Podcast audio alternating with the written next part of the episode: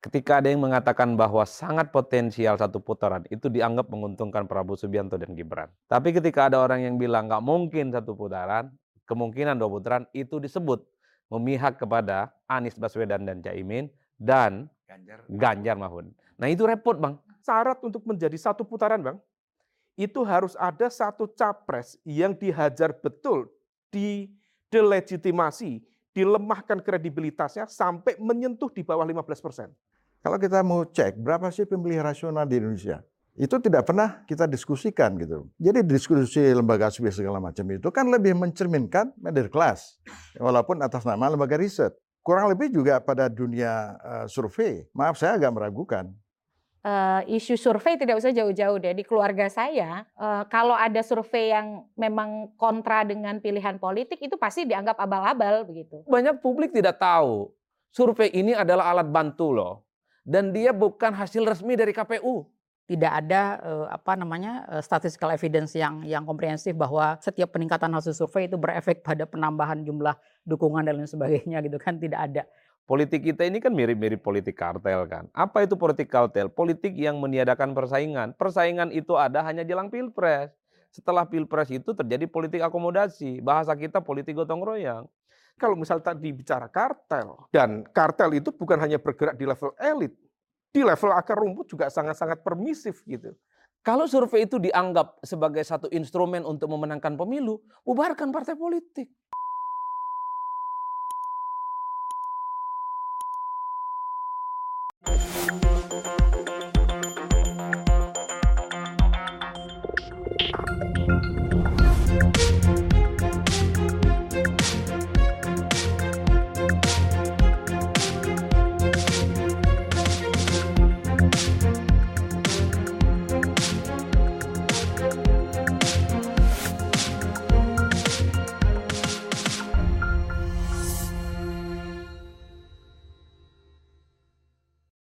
Bismillahirrahmanirrahim. Assalamualaikum warahmatullahi wabarakatuh. Waalaikumsalam. Waalaikumsalam.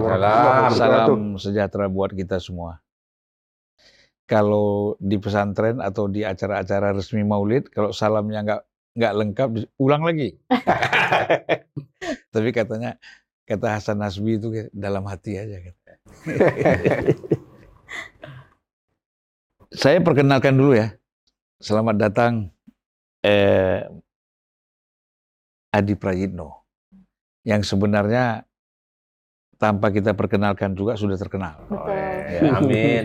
ya, Direktur Parameter Politik Indonesia. Ya, dari mana saya, Bang? Madura, Surabaya Timur.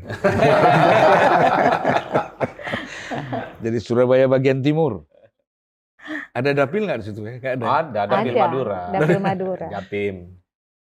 Satu dapil aja tuh ya. Iya, satu dapil empat kabupaten, Bang. Tapi di situ nggak usah ikut pemilu juga ada yang menang-menang. dapil noken kata orang-orang.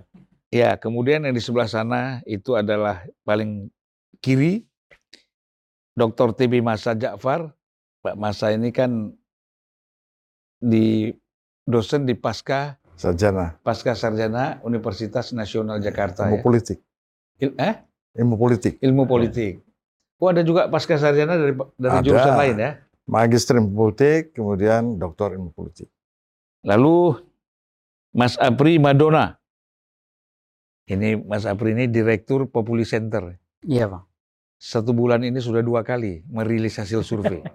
Wah, dan selalu Prabowo di atas. Tapi survei dua bulan sebelumnya Ganjar ya, Iya pernah Ganjar. pernah Ah, Ganjar ya. ah, Nah, Sebelum sekarang dinamika macam-macam. ya sekarang Prabowo. Jadi kemudian Mbak Titi Anggra ini pakar kepemiluan katanya. Nah. Benar itu ya, pakar kepemiluan ya. Yang pasti eh, jangan saya yang menyebut. Ah, Aduh, karena abang sudah menyebut ya didoakan saja. Beneran gitu. benar ya, Wah, pakar kepemiluan. Jadi kalau orang bicara pemilu, rujukannya ke sini. nih. Di samping itu juga dosen di Fakultas Hukum Universitas, Universitas Indonesia. Indonesia. Ini semua pengajar semua sebenarnya nih. Iya, pengajar, Bang. Ya. Kemudian Mas Khairul Umam, Kiai Haji Ahmad Khairul Umam. Harus ada kiainya ini. Ngeri. Katanya siap-siap menggantikan Nusron Wahid di PBNU. kan Nusron katanya sementara di dipinggirkan dulu. Di off kan. Nah, karena menjadi tim sukses. Iya, Sekretaris iya, lagi, iya. sekjen ya. Iya, iya. Jadi kalau Kiai Haji Umam ini Direktur Eksekutif Indo Strategik. Saya manggilnya kawan-kawan sekalian lah. Kalau bapak-bapak kan nanti terlalu tua ya kan. Padahal ini kan belum 50 semua nih. Kecuali saya di atas 50. Nah, jadi kita melihat ada banyak sekali isu yang berkembang ya selama beberapa hari ini. Yaitu yang pertama, jadi begini, ketika ada lima lembaga survei itu eh, mempublish hasil surveinya dan hampir semua hasil survei itu menyatakan Prabowo di atas 40. Kan gitu.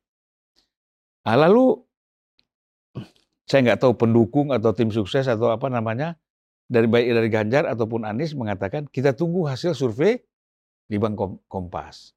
Karena dianggap Litbang Kom- Kompas ini tidak ada yang membiayai, dia membiayai sendiri untuk melakukan survei.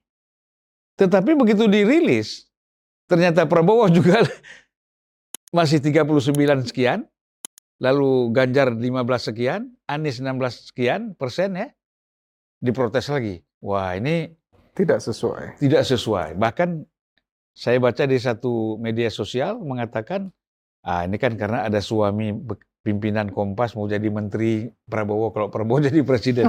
jadi ini udah nyasarnya ke mana-mana ini kan. Nah itu jadi kalau kita lihat di sini kan bergantung selera. Padahal survei itu kan pakai metode, pakai sistem, pakai ya tentulah ada ada biasnya mungkin ada, tapi kan ada metodenya. Saya dengar juga ada ada aso- asosiasi apa Pak Apri? Persepi. ya. Nah, Persepi itu kan kalau misalnya ada lembaga survei yang memang agak aneh nih dia lihat kok bisa begini.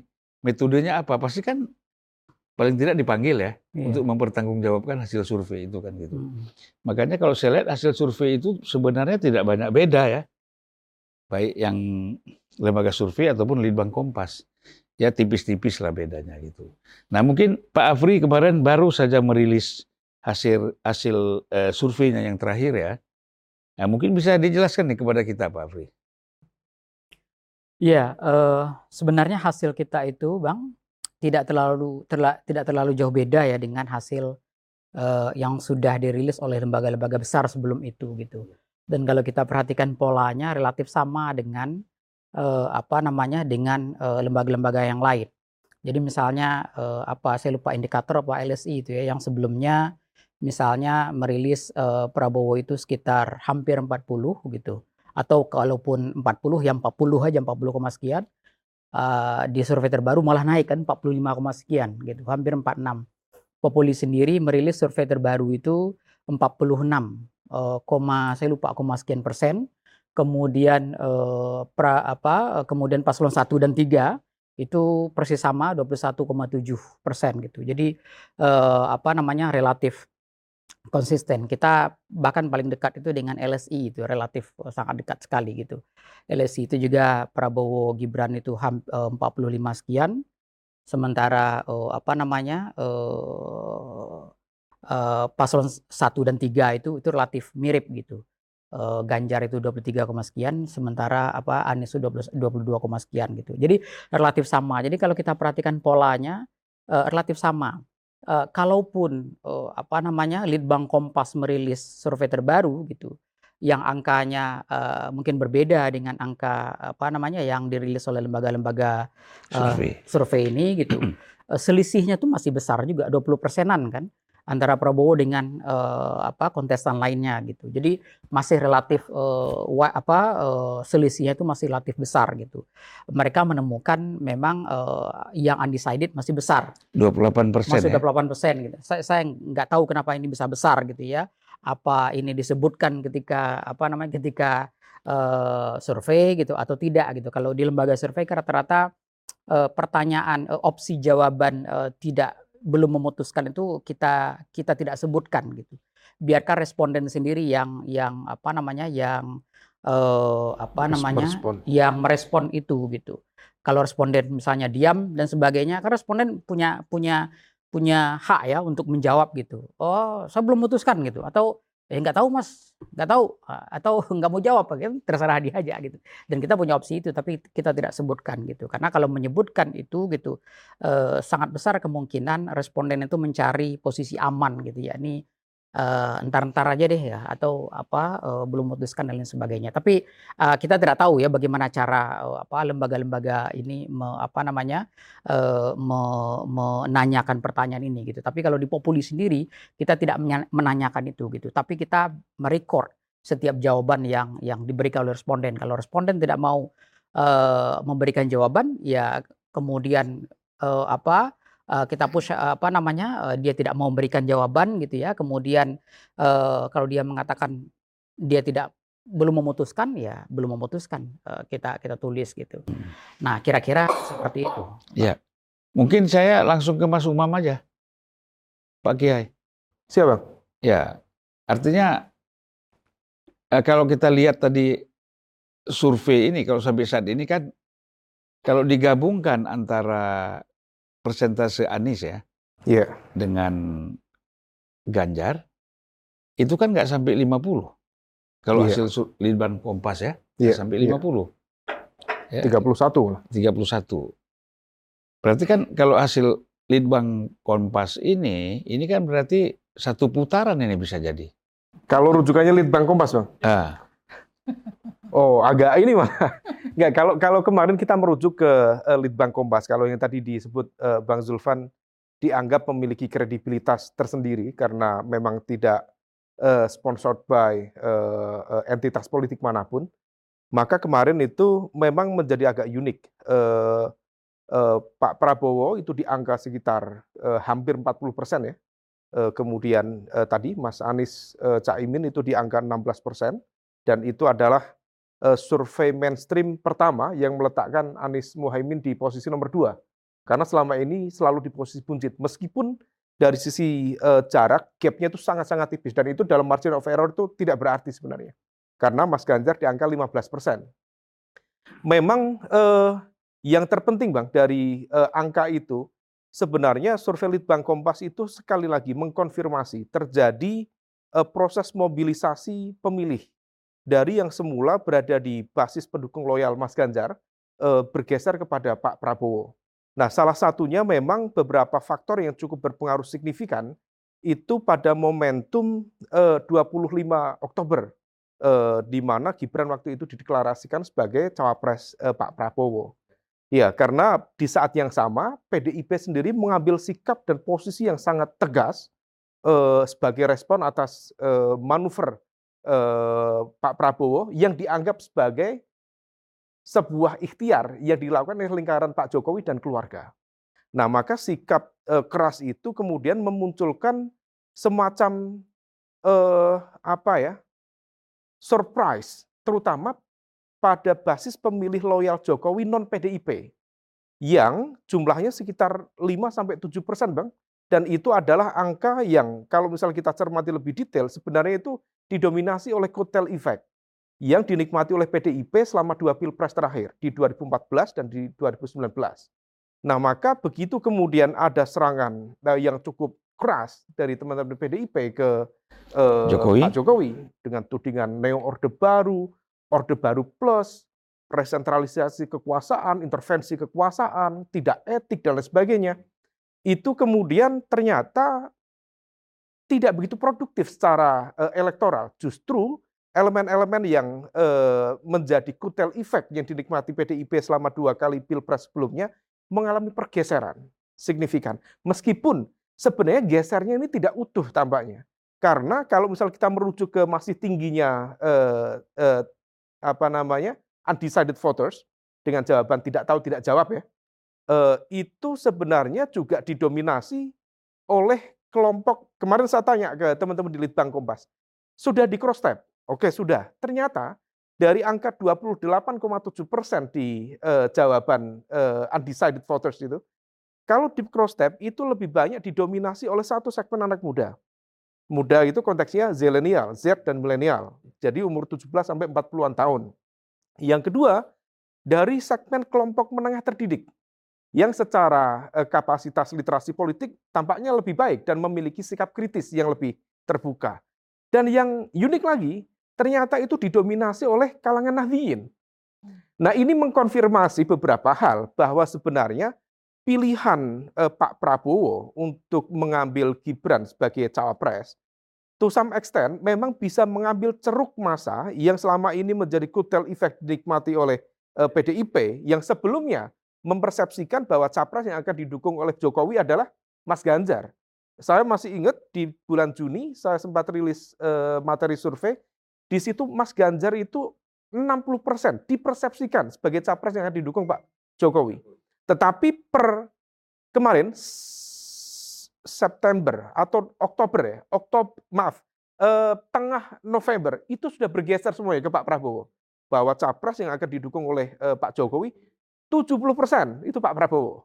Nah, artinya bahwa ada pergeseran signifikan, tapi di saat yang sama ada elemen kelompok kritis yang tampaknya mereka masih menahan diri. Karena sebagai salah satu bentuk pertanyaan balik, kenapa Gibran yang eh, dipilih? Kalaupun dipilih, kenapa dengan mekanisme yang dianggap eh, macam-macam ya, terkait dengan konteks isu politik dinasti, eh, tidak meng, apa, eh, menghargai eh, prinsip-prinsip konstitusi dan lain sebagainya. Nah, di sisi itulah yang kemudian menciptakan semacam kegamangan tadi itu. Tetapi di saat yang sama, Bang, yang kemudian perlu dicermati, ini kaitannya sama debat pilpres kemarin ya. Saya mencermati tampaknya dari elemen penantang ini, penantang itu konteksnya yang memiliki tingkat elektabilitas yang terbatas ya.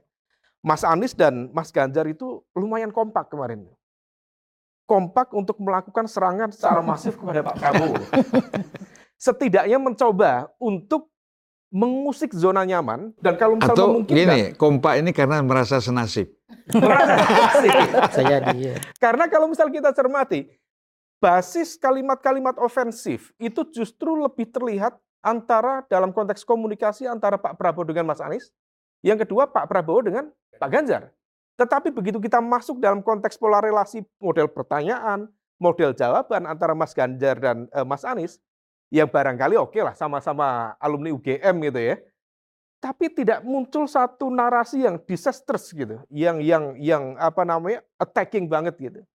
Nah, kenapa itu terjadi? Barangkali selain tadi ya se- senasib dan sepenanggung, Solidaritas. tampaknya ada upaya untuk fokus menggerus basis kekuatan eh, pemilih loyal Pak Prabowo yang relatif sudah mulai terkonsolidasi. Eh, ditambah dengan Jokowi Effect, ditambah dengan eh, basis dukungan relawan, dan memang secara postur infrastruktur pemenangan, ya memang relatif jauh lebih besar. Karena Pak Prabowo itu pegang suara di parlemen itu 45 persen, kemudian Mas Ganjar itu hanya 25 persen, kemudian Mas Anies itu 29 persen. Nah, tetapi kemudian antara Mas Ganjar dengan eh, Mas Anies itu di saat yang sama saya merasa ada semacam upaya untuk saling melindungi. Mengapa hal itu penting dilakukan? Barangkali itu adalah salah satu upaya untuk mengamankan supaya tidak mengalami degradasi yang cukup signifikan di dua masing-masing eh, kekuatan itu. Karena syarat untuk menjadi satu putaran, Bang, itu harus ada satu capres yang dihajar betul, didelegitimasi, dilemahkan kredibilitasnya sampai menyentuh di bawah 15 persen. Nah, kalau misal kemudian ada salah satu capres, kemudian sampai elektabilitasnya sekitar, asalnya kan sekarang let's say rata-rata sekitar 20-an persen. Kalau bisa ditekan di bawah 20 persen, bahkan menyentuh di bawah 15 persen, dengan berbagai isu bisa dimainkan, maka berpotensi memunculkan swing voters yang most likely pemilih masyarakat kita itu lebih ada cukup signifikan dipengaruhi oleh efek bandwagoning. Jadi bandwagoning efek.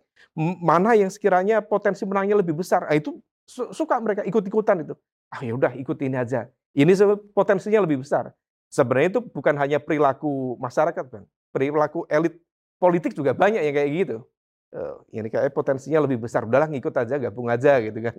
Nah, mana yang kalau misalnya itu yang bisa pasti terjadi, pas, ikut yang sudah pasti menang.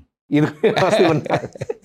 Kalau misal itu eh, bisa terjadi, maka kemudian eh, satu putaran memungkinkan terjadi. Tapi kalau misalnya kemudian basis terutama Mas Anies dan Mas Ganjar masih bisa mempertahankan di angka 4 apa 20 persen 20 persen naik, rasanya agak sulit untuk membayangkan bisa satu putaran. Kecuali ada sel-sel kekuatan jaringan kekuasaan yang tidak terlihat, yang kemudian menjalankan operasi serangan darat secara masif dengan berbagai kekuatan logistik, dengan berbagai jaringan eh, yang sudah terstruktur, maka kemudian memungkinkan barangkali eh, dilakukan satu eh, putaran. Meskipun memang agak agak sulit, tapi memungkinkan itu eh, eh, eh, itu terjadi.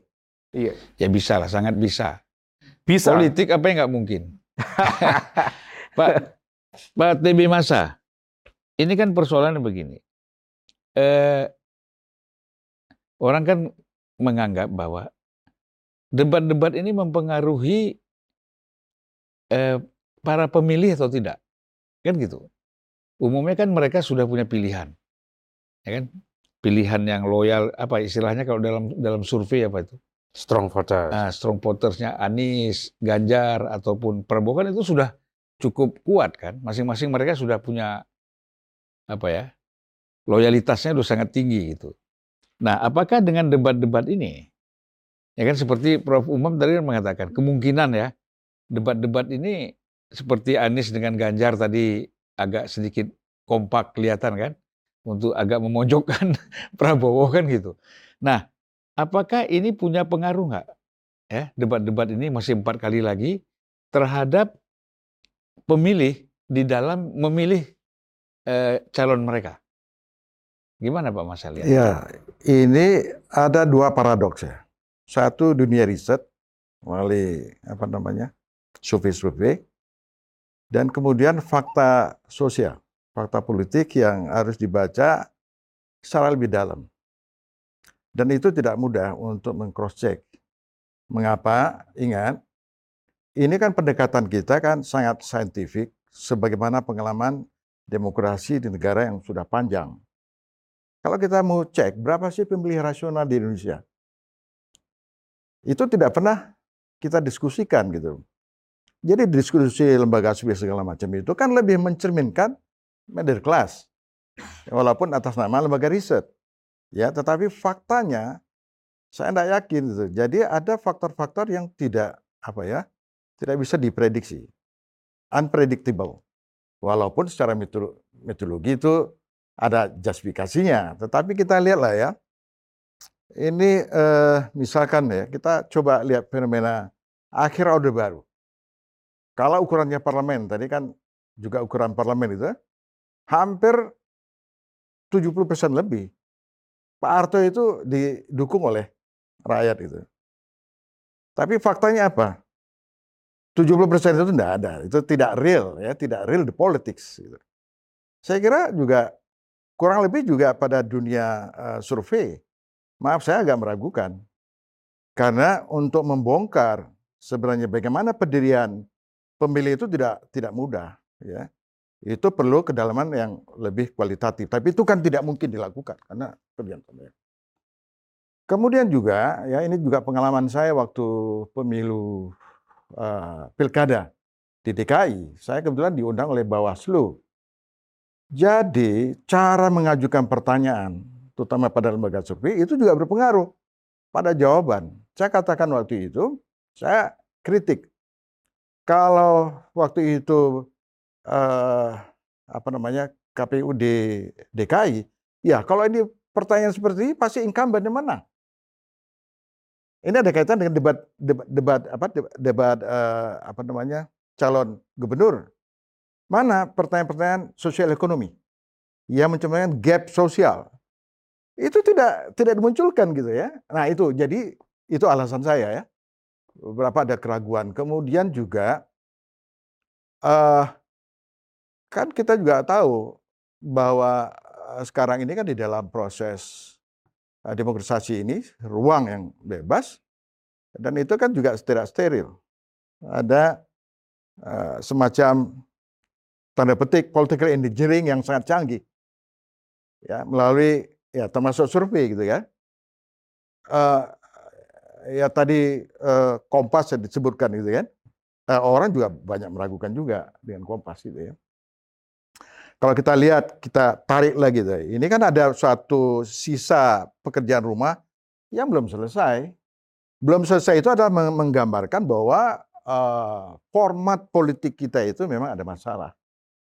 Ya, dan itu eh, sementara di kalangan terpelajar, ya kita kita lah ya, kita anggap sudah selesai gitu ya.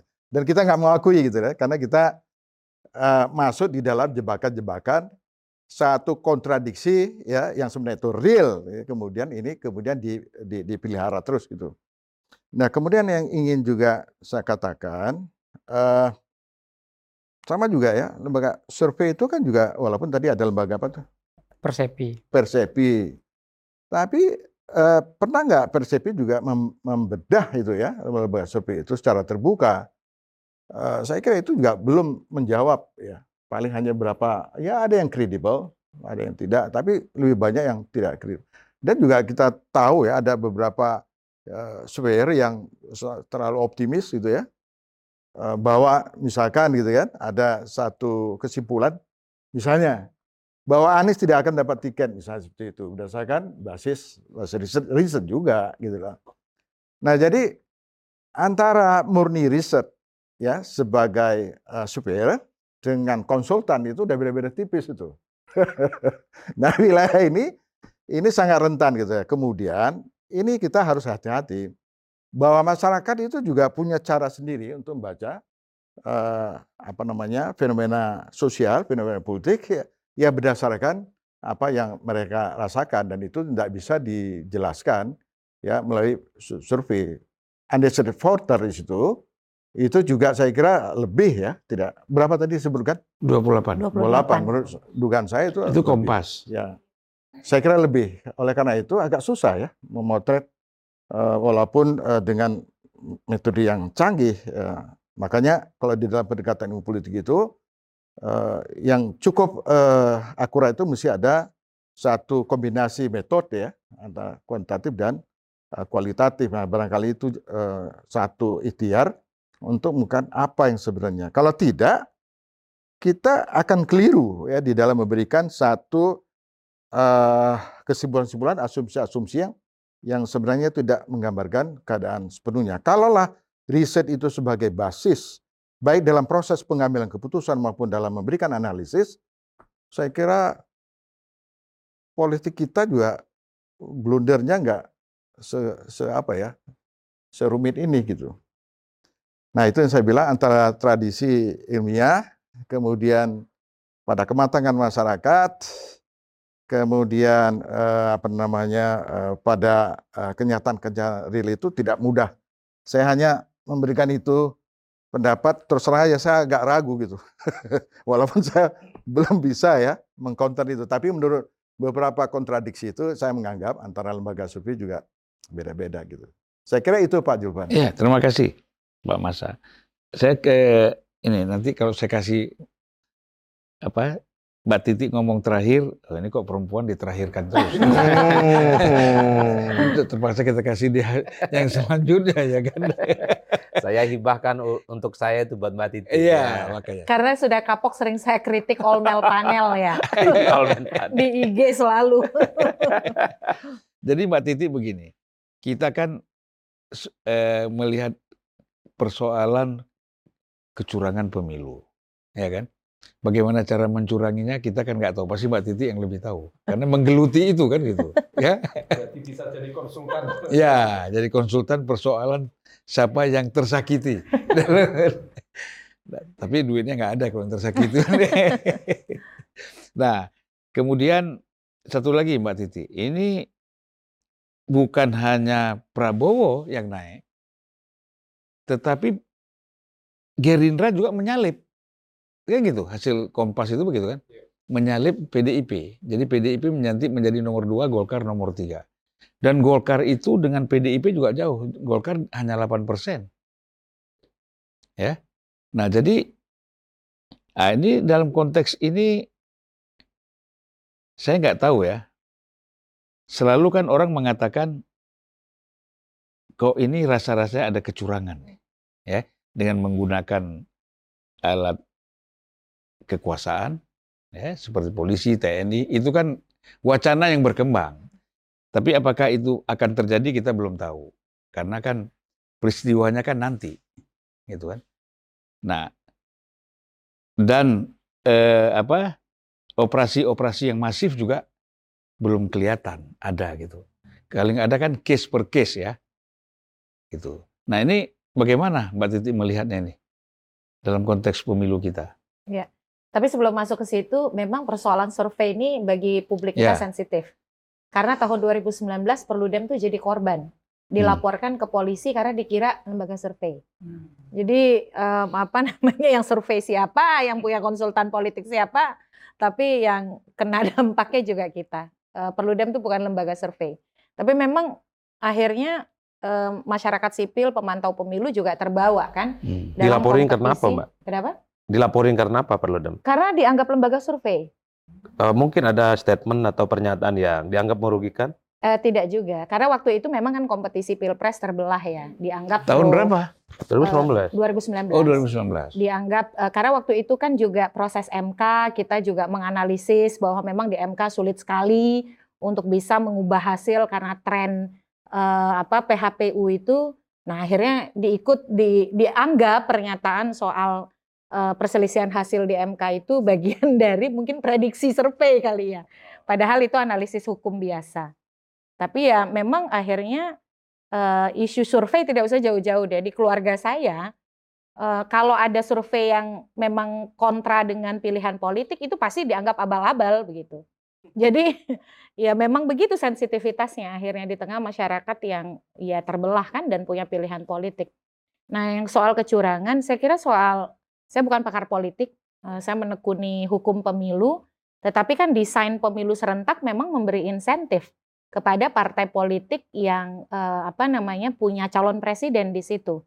Dan em, apa namanya dalam konteks ini survei yang terakhir itu eh, kan em, Prabowo naik, Gerindra naik, berarti kan ada konsistensi. Jadi ada kotel effect itu. Jadi eh, ya saya kira memang brandingnya kan yang punya partai tanda kutip kan Prabowo. Nah jadi ya eh, apa eh, di situ. Nah soal eh, kecurangan sebenarnya kalau pilpres itu lebih banyak narasinya penyalahgunaan sumber daya negara, bansos, lalu juga birokrasi. Tetapi yang paling di lapangan itu menggelisahkan kecurangan pemilu legislatif. Iya. Karena memang itu kan yang tidak terlalu dapat sorotan, tapi kompetisinya real begitu. Untuk mendapatkan kursi di dapil kan berat bukan main. Operatornya biasanya pasti pakai yang di paling bawah DPRD kabupaten kota. Kalau kecurangan pilpres ya narasi yang selalu muncul itu bagaimana misalnya program-program populis itu diasosiasikan dengan petahana dan lain sebagainya. Dia paling banyak selama ini kan isunya ke sana. Lalu peningkatan gaji ASN eh, dan seterusnya. Tetapi kan itu programatik. Jadi agak susah juga kita bilang bahwa tendensinya eh, praktik curang itu. Tetapi kebijakan yang memang memberi insentif elektoral dalam pola pork barrel ya memang iya kan gitu. Jadi logik ya. Kenapa nggak perlu diprotes sebenarnya dengan eh, antara Gerindra dengan Prabowo tadi kan? Iya. Memang itu paralel ya. Betul. ya. Gimana Mas Adi Pray melihat ini? Jadi saya bagian apa nih, Bang? saya Bagian- bagian berdoa aja. Robbana atina fid dunya hasanah. Pasti ujungnya amin. Ah, Dia memang begitu selalu Amin. kamu mulai. Tapi dia di pikiran dia sudah banyak ini. apa itu? yang Tapi solidaritas Maduranya nggak bekerja dong kalau gitu. itu rahasia negara. Oh, rahasia negara. Iya iya iya. Saya mau komentari survei pertama, Bang. Kalau kita membaca Undang-Undang Pemilu dan Undang-Undang Pilkada, publik harus tahu. Survei itu bagian dari partisipasi politik rakyat. Jadi siapa pun nanti yang punya keinginan untuk merilis survei secara terbuka, seperti yang dilakukan oleh kawan-kawan kita gitu, Mas Umam, kemudian teman-teman di apa namanya di Populi, termasuk kita, itu kalau sudah memasuki masa kampanye, dia harus melakukan pendaftaran ke KPU. Yang didaftarkan ke KPU itu banyak hal, soal metodologi, hal-hal yang sifatnya administratif, ada NPWP, apakah ini terdaftar di Kemenkumham, termasuk soal metodologi dan di situ ada audit keuangan yang Sumber dana. iya sumber dana yang mesti dilampu- dilampirkan oleh lembaga survei dan dilaporkan kepada KPU. Jadi ini bagian dari partisipasi politik masyarakat. Itu satu. Yang kedua, kalau ada masyarakat yang merasa dirugikan, tidak diuntungkan oleh salah satu survei tertentu, kalau kita mengacu pada hal ini secara prosedural, laporkan ke KPU bahwa itu misalnya sebagai upaya untuk bandwagon effect, untuk memutilasi ya, ataupun untuk mem- memanipulasi persepsi publik, mengarahkan kepada salah satu calon dan seterusnya. Laporkan ke KPU. Nanti KPU itu akan mengkonfirmasi lembaga survei mana yang dianggap miring-miring bekerja untuk paslon plus mereka head to head dengan pelapor, Bang. Nanti KPU akan membentuk dewan etik. Dewan etik itu adalah terdiri dari mereka yang secara independen, netral dari kalangan akademisi, profesor-profesor statistik dari berbagai kampus dan universitas dikumpulkan. Mereka akan tanding. Kira-kira apa yang persoalankan? Metodologi kah? Keuangannya kah? Hasilnya kah? Atau aktornya kah yang dianggap dekat dengan salah satu kelompok? Kalau kita bicara tentang ini adalah bagian dari partisipasi politik rakyat. Jadi kalau ada survei yang tidak sesuai, jangan laporkan ke pihak keperwajib. Ini anti demokrasi namanya, seperti yang kasusnya Mbak Titi. Saya anti kalau soal kayak gitu, Bang. Ini ada mekanisme.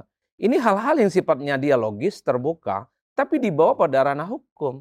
Kalau itu boleh dibawa ke yang berwajib, kalau misalnya satu lembaga survei sudah dibayar terima uang tapi tidak surveinya tidak dilakukan. Mungkin ya, mungkin. Iya. Tapi yang ingin saya katakan adalah kalau yang dibicarakan adalah soal survei itu adalah untuk menggiring opini publik, menguntungkan salah satu calon dan partai. Lalu bagaimana dengan buzzer-buzzer yang secara terbuka, deklaratif, all the time? Dia mengkampanyekan salah satu paslon dan partai tertentu. Kenapa mereka tidak dilaporkan dan diaudit keuangannya? Nggak mungkin kok para buzzer itu bekerja lillahi ta'ala.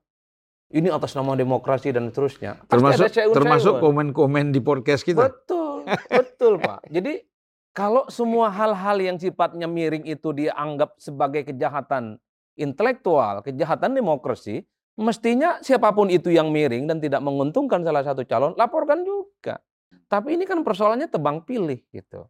Ada sesuatu yang dianggap menggelisahkan, maka dia dianggap miring dan hanya bekerja untuk salah satu calon. Yang ingin saya katakan, ini ada mekanisme yang kita bisa tempuh secara prosedural. Majukan orang yang ngerti survei, gugat itu survei di KPU, undang kawan-kawan media, biar ketahuan siapa yang nggak ngerti survei, siapa yang abal-abal, dan siapa yang bohong. Itu yang pertama. Yang kedua, banyak publik tidak tahu survei ini adalah alat bantu loh, dan dia bukan hasil resmi dari KPU. Bukan hasil resmi dari KPU. Bang. Walaupun 2014 2019 hasil survei dengan hasil KPU itu nggak terlalu jauh. Oh iya, nanti saya saya jelaskan itu. Iya. Saya jelaskan. Makanya saya biar jangan Oh. lupa saya, saya ingatkan. banyak banyak orang yang mengasumsikan survei ini bisa menggiring hasil pemilu. Nggak ada cerita, Pak. Nggak bisa teman-teman lembaga survei itu mengintervensi, apalagi mendikte KPU untuk memenangkan salah satu calon. Kalau survei itu dianggap sebagai satu instrumen untuk memenangkan pemilu, bubarkan partai politik. Ngapain bikin partai, Bang? Kalau survei itu bisa memenangkan salah satu kontestan dan partai, bubarkan relawan, bubarkan tim sukses. Cukup aja hire konsultan polisi. Sebenarnya politik Mas Adi, yang ada di Persepi sedikit. itu, yang ada 40 Ala- lembaga kalau nggak keliru sekarang. Alasan kita untuk membubarkan politik sudah ada, partai politik. Iya. Karena partai politik tidak punya kader, kemudian mereka memilih presiden calon presidennya berdasarkan hasil survei. Iya kan? Nanti saya jelaskan lagi. Ya. Yang Silakan. ingin saya katakan adalah survei ini bukan hasil resmi dari KPU sebagai pemenang pemilu.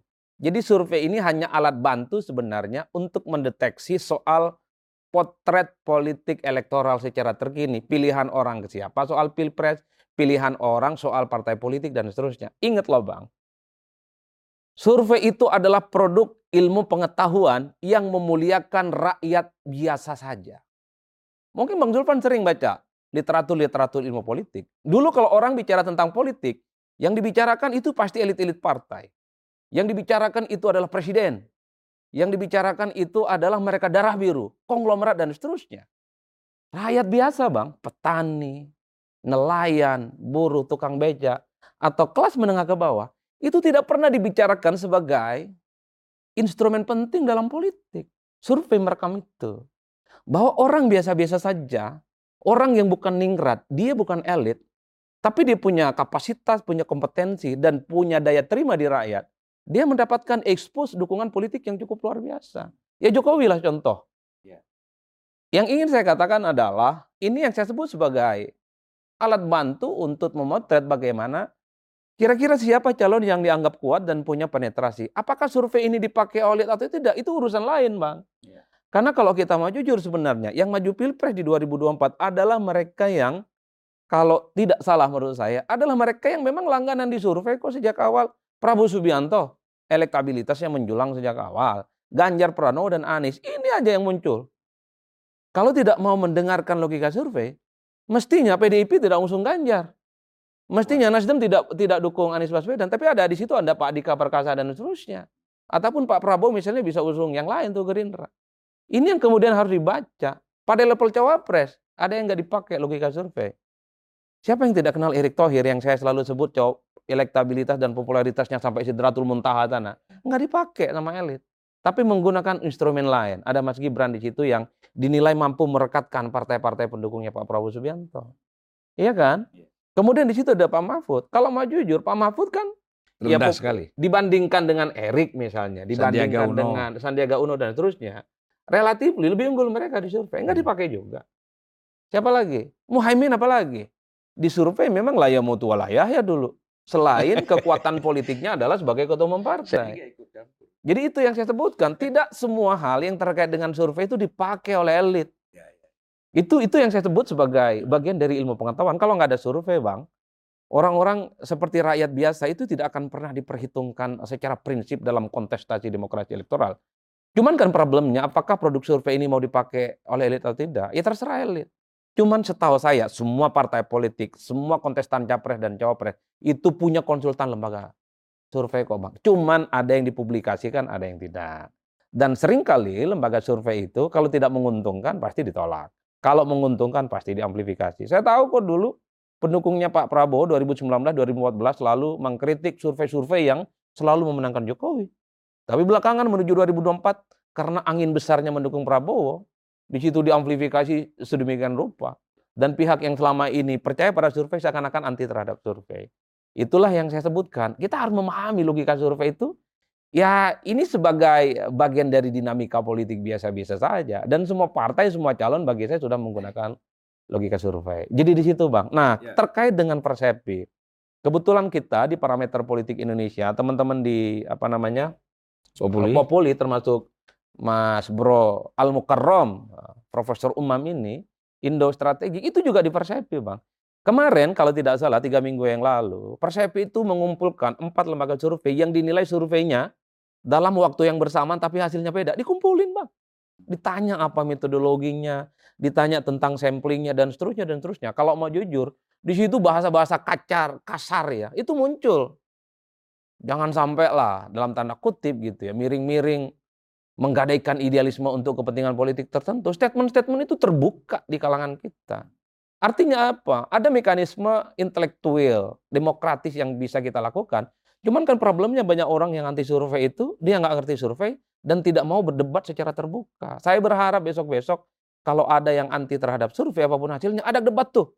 Eh, Populi, survei minum miring-miring. Besok ajak kau debat secara terbuka di podcastnya Bang Zulpan. Menarik, Bang.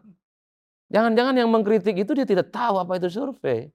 Itu yang rumit. Kalau ada pertandingan antara orang yang paham survei, ini yang mestinya kita paham. Banyak orang yang saya kira menfitnah dalam konteks itu, dalam tanda kutip ya, lembaga survei karena tidak tahu. Nah, tapi memang harus kita akui, unfortunately, kawan-kawan lembaga survei itu punya PR besar yang sampai saat ini tidak tuntas, yaitu menjadikan survei itu sebagai bahan edukasi buat rakyat.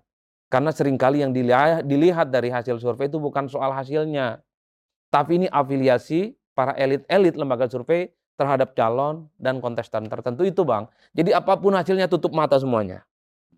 Jadi itu, misalnya Mas Bro kita yang di Populi, Mas Imam dekat siapa, dekat dengan siapa, oh, udah kelihatan nih ke siapa miring-miringnya, kira-kira begitu bang. Jadi hasilnya sekalipun itu sesuai dengan kaidah ilmiah, itu objektif, itu proporsional, masuk akal, itu ditolak. Karena Ka- faktor kedekatan. Karena pada perketan, Hmm. karena ada asumsi, keyakinan di masyarakat umum bahwa survei itu bisa dipesan dan diarahkan. Tidak sederhana itu menurut saya. Orang-orang seperti Mas Umam, kawan-kawan kita nih ah, di Populi Center, tidak mungkin mereka itu akan menggadaikan kredibilitas mereka itu untuk sesuatu yang sifatnya jangka pendek, Bang. Kan sederhananya, kalau apa pun itu bisa dipesan untuk miring-miring kepentingan jangka pendek, ini nggak laku, Bang, orang-orang, Bang. Emang mau orang mau dibodoh-bodohin, Bang?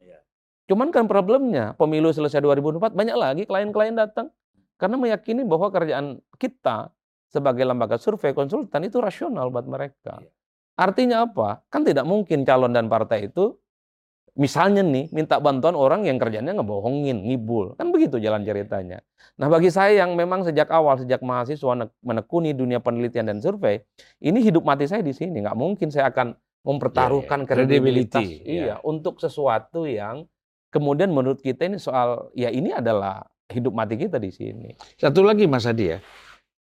Eh, walaupun ad- katakanlah apakah capres ataupun partai politik atau siapa pun membiayai lembaga survei.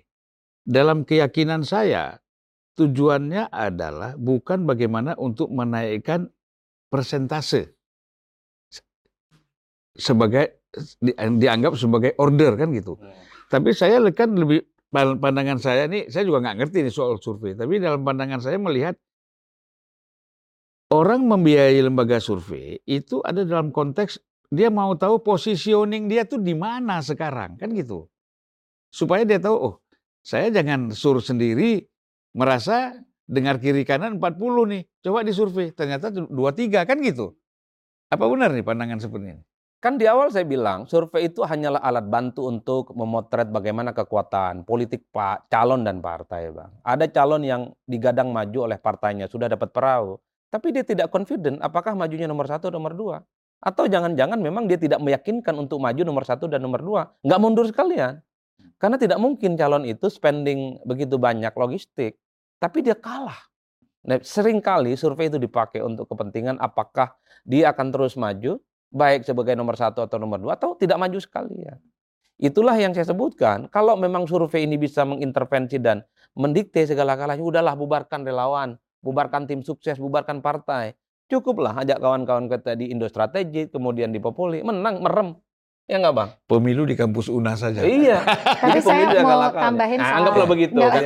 Ini secara akademik, tapi memang sorry, memang tidak bisa kita nafiri. Banyak orang yang ngaku-ngaku survei tapi nggak survei. Banyak orang yang sebenarnya ngaku-ngaku survei nggak tahu ini siapa barangnya. Ini pentingnya kawan-kawan media tidak semua hal yang terkait dengan survei yang rilis secara terbuka.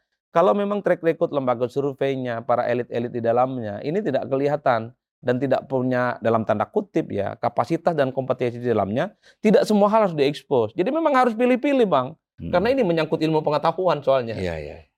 Ya, Jadi saya- gini ya, saya mau nambahin sedikit, sedikit. nyambung.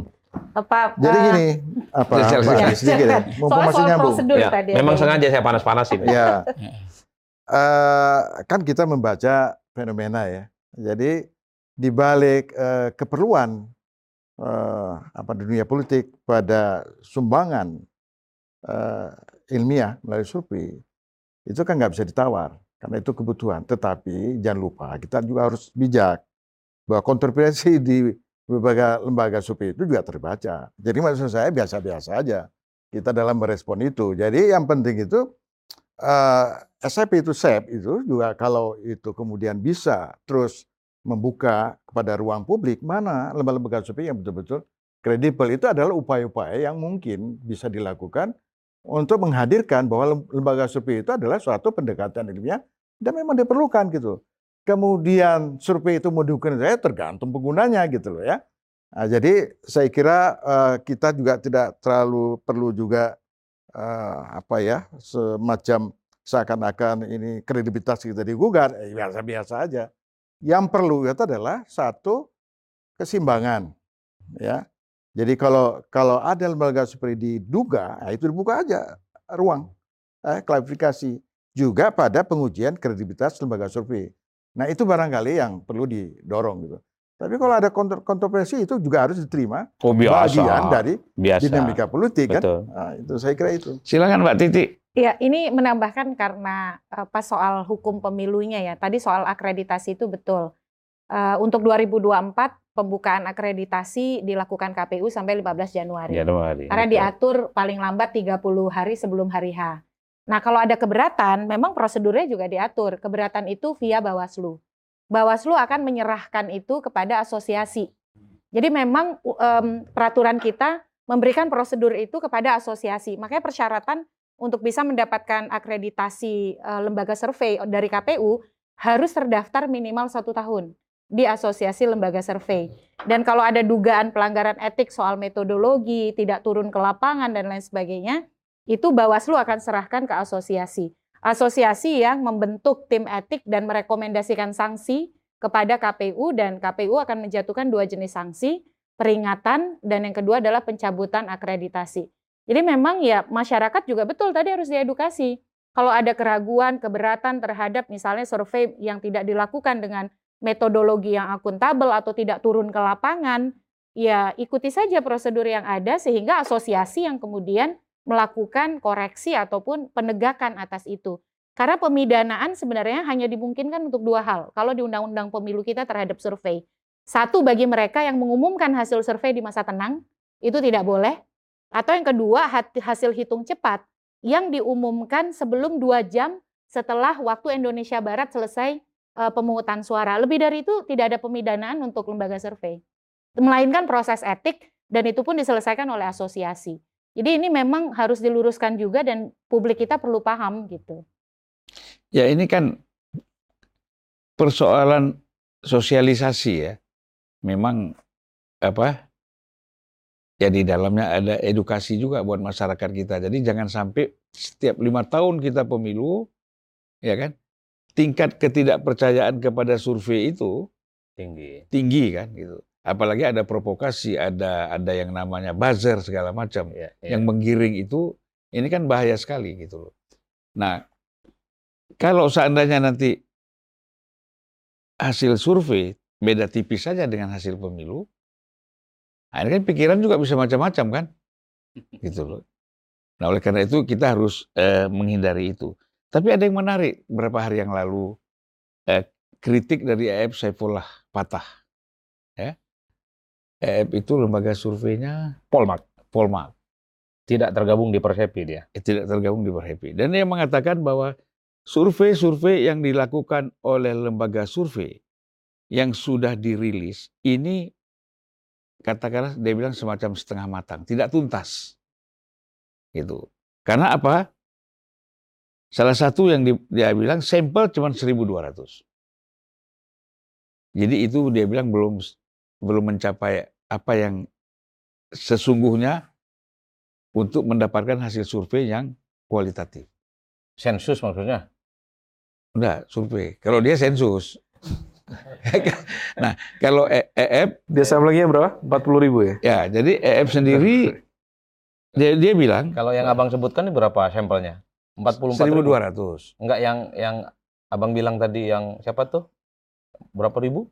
EF. EF. Ya, Polmark itu kan melakukan survei di 32 provinsi. Wah, besar itu dananya, Bang. Nah, 32 provinsi kemudian dengan eh, 40 ribu ya kan responden. Ini kan besar sekali. Memang EF bilang dalam itu bahwa ini ada yang membiayai survei ini. Uh, saya tidak boleh menyebutkan siapa. Satu itu. Kedua, saya harus oh, dia bilang saya harus minta izin kepada yang membiayai survei ini ya kan untuk dia declare, publish gitu loh. Persentase berapa Prabowo, berapa Anies, berapa Ganjar gitu. Itu tidak dia ungkapkan karena belum mendapatkan belum dibicarakan dengan pihak yang mendanai survei ini. Nah, yang saya mau tanya ke ini kawan populi. Kawan populi. Ini kan persoalannya bagaimana penilaian-penilaian seperti ini? Gitu loh.